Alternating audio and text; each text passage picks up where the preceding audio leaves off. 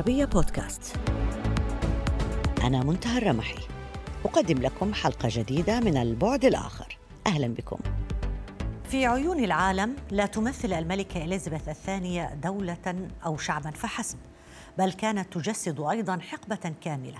وفي الواقع فإن شخصية الملكة ربطت بشكل غير محسوس بيننا وبين فترات شاسعة من التاريخ العالمي.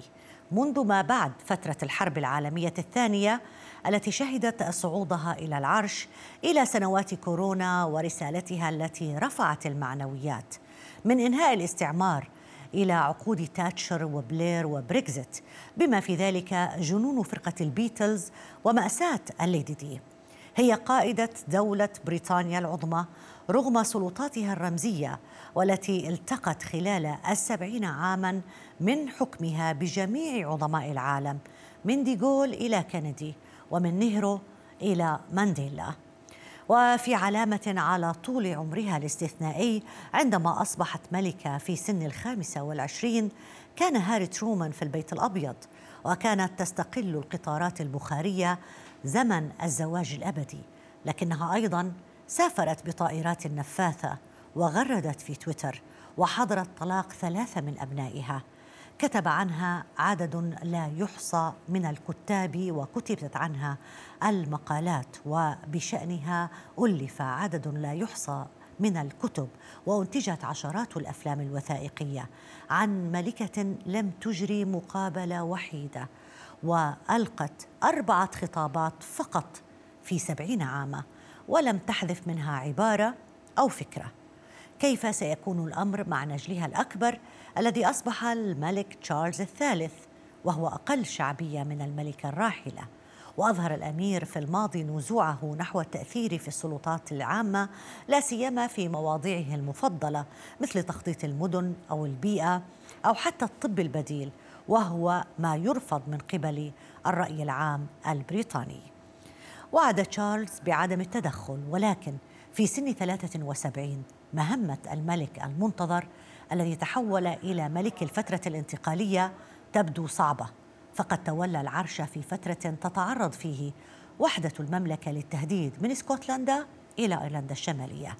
أما بالنسبة للظل الأيقوني لأمه فمن المؤكد أنه ليس على وشك أن يتلاشى. اسمحوا لي أن أرحب بفرانك جيلي المساعد الروحي لأميرة ويلز الراحلة ديانا والذي كانت له تجارب مع محيط الملكية البريطانية أهلا بك معنا أب فرانك جيلي. شكرا. دعني أبدأ معك بسؤال بسيط. لو كانت على قيد الحياة الأميرة ديانا كيف كانت ستستقبل نبأ رحيل الملكة؟ كانت الأميرة ديانا ستحزن لوفاة الملكة إليزابيث ففي النهاية كانت الملكة والدة زوجها السابق وجدة طفليها. كما أن الملكة هي رمز الوحدة الوطنية. ما ما زال يلقي بظلاله على قصتهما هو أن ديانا شعرت بنوع من عدم الارتياح لكون الملكة اختارت النأي بنفسها والابتعاد عن التدخل في قصتها مع زوجها وقتها الأمير تشارلز.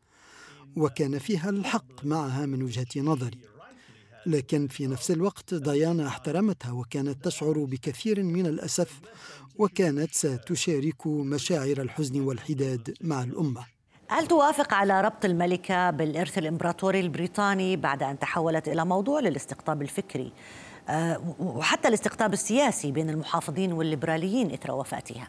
Uh, yes. Um, we, نعم بعض الناس يقرنون بين عهدي الملكتين إليزابيث الثانية وإليزابيث الأولى التي حكمت قبل 400 سنة.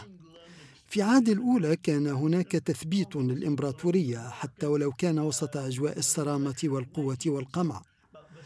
مع إليزابيث الثانية شهدنا تراجع الإمبراطورية واضمحلالها ففي عهدها رأينا ما حدث في عدة مناطق منها كينيا والهند التي حصلت استقلالها.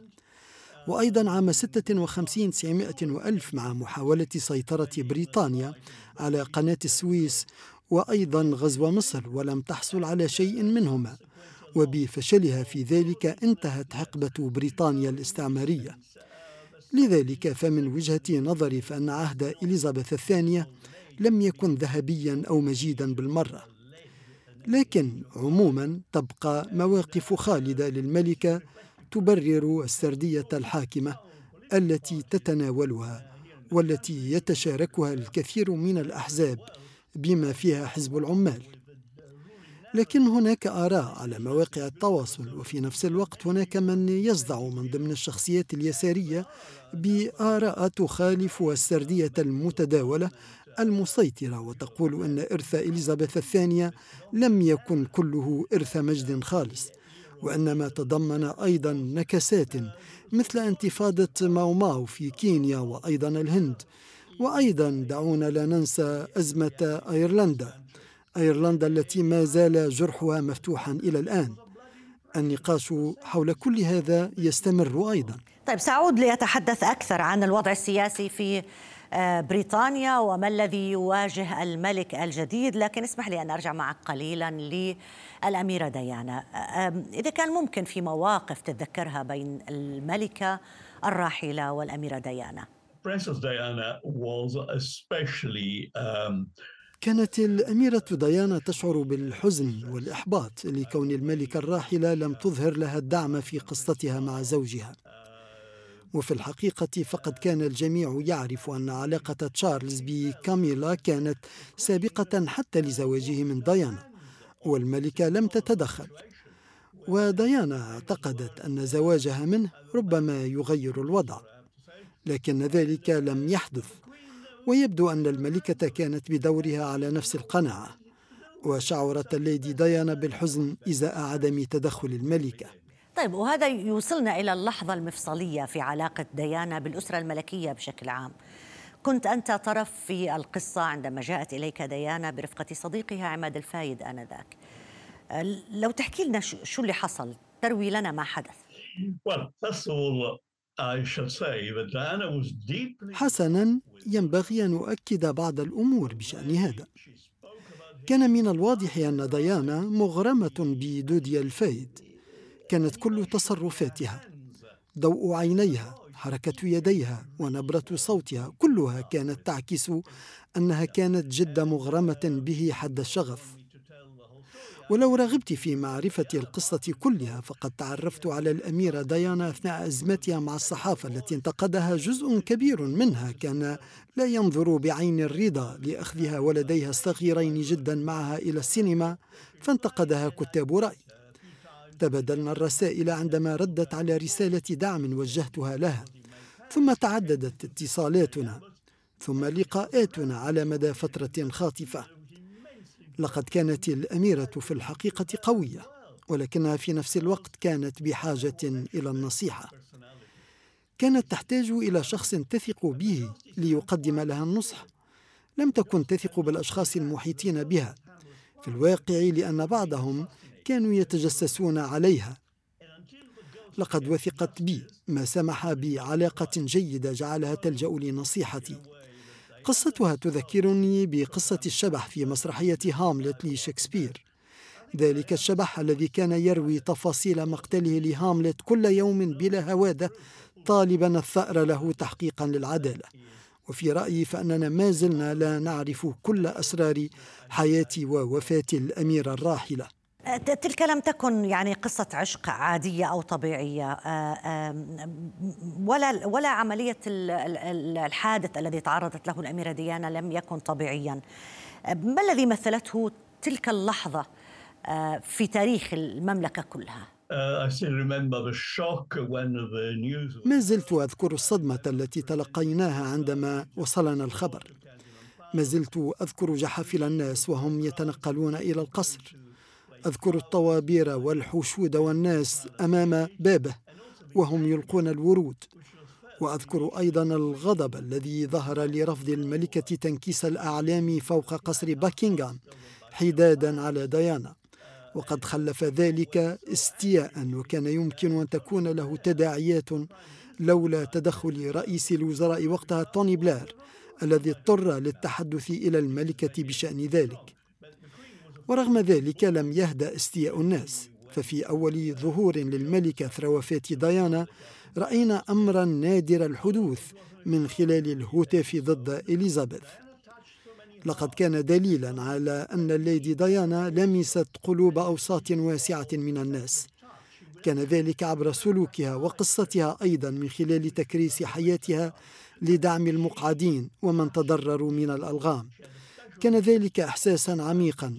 بل لقد كانت لمسات روحية لا يأتي بها إلا أيقونة وعبارة أيقونة نستخدمها كثيرا في ترانيمنا المسيحية وتراتيلنا الدينية.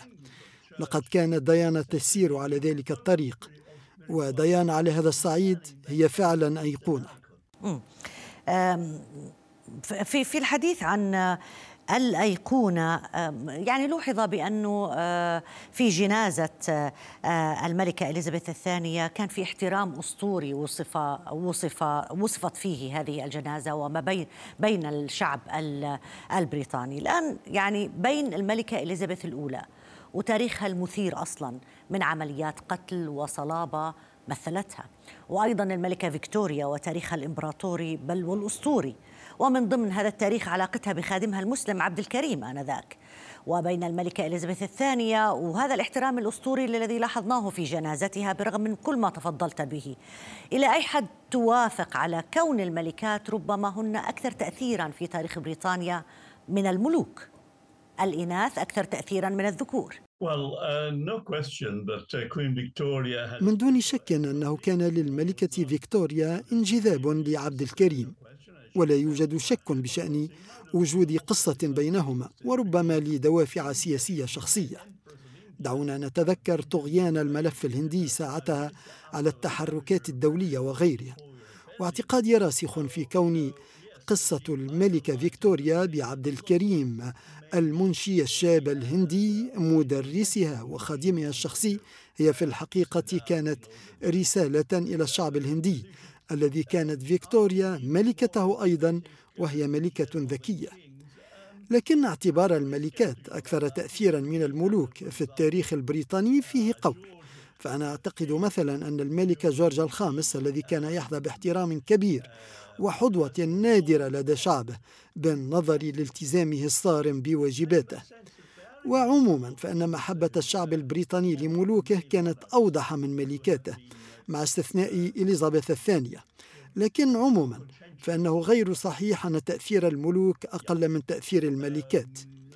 نساء بريطانيا لعبن دورا مهما وأظهرن صلابة وربما أبرزهن مارغريت ثاتشر التي لم تكن تحظى حقيقة بالكثير من التعاطف بالنظر لإرثها الذي نحفظ منه تدمير النقابات. ففي الحقيقة فإن تقييم الشخصيات متعلق بالمثال الذي تعطيني إياه. آه، آه، دعني أنتقل للتحديات المستقبلية التي قد تواجه تشارلز الثالث من حيث رمزية العرش الذي يتولاه. uh, أولا لدينا أزمة اقتصادية خانقة جزئيا بسبب بريكزيت وأيضا العقوبات على روسيا كما أن أسعار الطاقة مرتفعة وربما قد تصل إلى مستويات فلكية. والكثير من الناس سيجدون أنفسهم أمام خياري إما الحصول على غذائهم أو الموت بردا. وما ينتظرنا ليس مزحة حقيقة. ومن حق الناس التظاهر والتعبير عن أملهم في إيجاد حلول لأوضاعهم بالنظر لكونهم ليسوا مليونيرات أو أثرياء. والأسئلة الحارقة ستتعلق بكيفية تربية الأطفال وكيف يمكن توفير الدفء لكبار السن. هذا تحد بحد ذاته. لكن هناك أيضا تحديات أهم من الاقتصاد في انتظار الملك الجديد. إنها تحديات أستطيع أن أصفها بالتحديات الأخلاقية. هناك أزمة تعاليم روحية وأخلاقية على الملك التعامل معها. فالحياة كلها مترابطة بالقيم والأخلاق والجوانب الروحية أيضا. ودعونا لا ننسى أن من المناصب التقليدية للملك تشارلز الثالث وأي ملك بريطاني هو الدفاع عن الأخلاق فمنصبه هو المدافع عن الأخلاق وحتى إثر الجدال الواسع الذي نشب بشأن صوابية مثل هذه المهمة فإنه تم الاحتفاظ بها وبهذا اللقب للملك فضلا عن قيادته للكنيسة.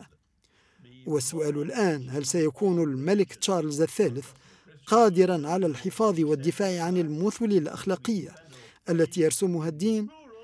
عموما فإن وضعه ومناصبه الرسمية تجعل منه حامي الأديان بما فيها الدين الإسلامي والدين اليهودي والمعتقدات الدينية الأخرى. وواحد من التحديات التي ينبغي أن نشير إليها هي تحدي حماية السلوكيات والأخلاق المنبثقة عن المسيحية والإسلام واليهودية وإن شاء الله يكون قادرا على ذلك ولكنني متشكك بعض الشيء إزاء النجاح في المهمة إيه بس تتوقع أنه يصير في تغييرات في القيم والتقاليد آه، البريطانية؟ Uh, well, society is changing all the time. تعرفين أن المجتمعات تتغير والقيم تتفاعل وتكون هناك مواكبة للعصر والتقدم. ومع ذلك فإنه ما من شيء يدعوني إلى توقع أن لا يستجيب الناس في النهاية لسياسات الملك.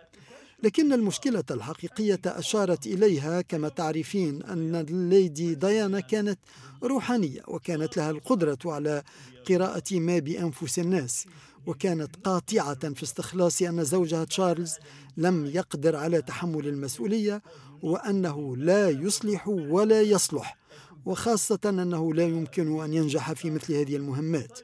لذلك فإنني لدي اعتقاد بأن الملك تشارلز لن يكون قادرا على ذلك. إيه بس إحنا بنحكي عن 30 سنة مرت يمكن تتغير الناس بتتغير في مع مرور السنوات. طيب آه كيف تتوقع أن تكون مراسم تتويج تشارلز الثالث نسبة إلى تقارير تحدثت عن كونه هو الشخص بالذات وعد بأنها ستكون أقل أبهة من العادة المعمول بها في بريطانيا؟ Yes, he has said that. آه، نعم لكن المشكلة الكبرى تتعلق بإشكالية تهم تنصيب تشارلز الرسمي ومن حيث الجوانب القانونية. زواجه من كاميلا باركر يطرح هذا الإشكال. وهناك وجهة نظر قانونية قوية ترى أن تشارلز وكاميلا غير متزوجين من حيث الفهم الدقيق للقانون لأنه لم تتم مباركة الزواج وفقا لما كان ينبغي أن يكون عليه الأمر. وجهة النظر هذا تشدد على أن أعضاء الأسرة المالكة ممنوعون من الزواج المدني أو بالمحكمة وإنما ينبغي أن يتزوجوا حصرا على الطريقة الدينية باعتبارهم رعاة الكنيسة. هذا رأي قانوني طرحه البروفيسور ستيفن كرينكل منذ الأيام الأولى لزواج تشارلز من كاميلا. لا يوجد في القانون ما يمنح عضو الأسرة المالكة الحق في الزواج المدني وبموجب قوانين الزواج 1753 فإن النوع الوحيد من الزواج الصالح لعضو من العائلة المالكة هو الزواج الديني. الزوجان لم يعقدا مراسم الزواج بشكل تقليدي في الكنيسة بينما اختار إقامة مراسم مدنية في وينسور جيلدهول تلتها مباركة للزواج في كنيسة سان جورج والمباركة هنا من وجهة نظر دينية تختلف عن المباركة التقليدية التي كان ينبغي أن تدور في مراسم الزواج داخل كنيسة. تشارلز لم يكن طرفا في مؤسسة جمهورية حيث يكون له الحق أن يتزوج زواجا مدنيا بمثل الزواج الذي عقد به على كاميلا. وهذا من شأنه أن يخلف جدلا بشأن ما يمكن لكاميلا أن تكون ملكة. هذا جدال سيستمر طويلا وأنا سأكون طرفا فيه. طبعا الجدل آه، آه، لن يمس الملك تشارلز الثالث وحده ولكن سيمس أفراد آخرين في العائلة المالكه البريطانية. لأنه التقارير قالت بأنه تشارلز الثالث نفسه عبر عن رغبته في أن يكون لديه نظام ملكي أقل حجما. يعني مجموعة أساسية أصغر من أفراد العائلة الملكية الملك والملكة القرينة كاميلا. حتى الآن هي الملكة القرينة كاملة قبل أن يثار الجدل. والأمير ويليام وزوجته كاثرين. ماذا عن هاري؟ أصلا أصلا يعني أثار جدلا في بريطانيا قبل الوفاة. Um. نعم كان هاري صغيرا عندما توفيت والدته. وقد عانى كثيرا مقارنة بشقيقه ويليام أكثر منه ولذلك فقد كان أكثر هشاشة. أنا على اقتناع بأنه أحب ميغان بكل صدق وحقيقة وأعتقد أنه لديهما سبب معقول في اختيار المغادرة إلى أمريكا. لقد شعرت ميغان بأنها لم تكن محل ترحيب داخل الأسرة المالكة. لقد تلقت هجمات وانتقادات حادة من شخصيات من داخل الأسرة المالكة ولقد كانت لها وجهة نظر معقولة أراها عندما أحست بأنه جرى التعامل معها على أنها طرف من خارج الأسرة. آملوا أن يعثر على مكانة لهما داخل الأسرة وأن يشارك بأي شكل من الأشكال في العرش. أنا داعم لهاري وميغان ولذلك أتمنى لهما الخير. لكن لدي ملاحظة تتعلق بالأمير ويليام. لقد صرح علنا في حديث إعلامي بأن والدته كانت تعاني من البارانويا أو الهوس بالخوف على حياتها وحقيقة لا أعتقد أن ذلك صحيح. لم تكن مضطربة عقليا كما قال ولم تكن تعاني من البارانويا. لقد كانت تشعر بالتهديد وخائفة وتحدثت عن ذلك عدة مرات. يعني الأمور وصلت حتى إلى ولي العهد طيب بحكم علاقتك بالأميرة الزوجة السابقة والراحلة للملك الجديد كيف تتوقع أسلوب حكم تشارلز الثالث؟ I think um, في بريطانيا الملوك لا تحكم ولكنها تجلس على العرش وتديره في بريطانيا رئيس الوزراء هو الذي يحكم لكن في النهاية تبقى للملك شخصيته الاعتبارية المهمة فيما يتعلق بتشارلز أشعر أن إرث والدته على مدى سبعين عاما وأيضا كبر سنه وهو في الثالثة والسبعين لا يجعله قادرا على الحكم سبعين سنة مثلها. كما أن الملكة عندما صعدت إلى الحكم كان لها رابط قوي مع الشعب وثقة متبادلة بينهما تختلف عن تشارلز الذي قد غير الزمن الكثير من آليات الحكم وهو يعرف ذلك وأنا لا أعرف ما إذا كان سيقوم بخطوات جذرية وجدية تجعله قادرا على أن تكون له بصمة واضحة في التاريخ. الحب لا يبرر أصلا آه، الأب فرانك جيلي. شكرا جزيلا لك. على المشاركة معنا الأب فرانك جيلي المساعد الروحي لأميرة ويلز الراحلة ديانا. والذي كانت له تجارب طويلة معها. شكرا جزيلا. وإلى هنا تنتهي حلقة اليوم من برنامج البعد الآخر. يمكنكم دائما متابعتنا على مواقع التواصل الاجتماعي تويتر فيسبوك ويوتيوب. إلى اللقاء.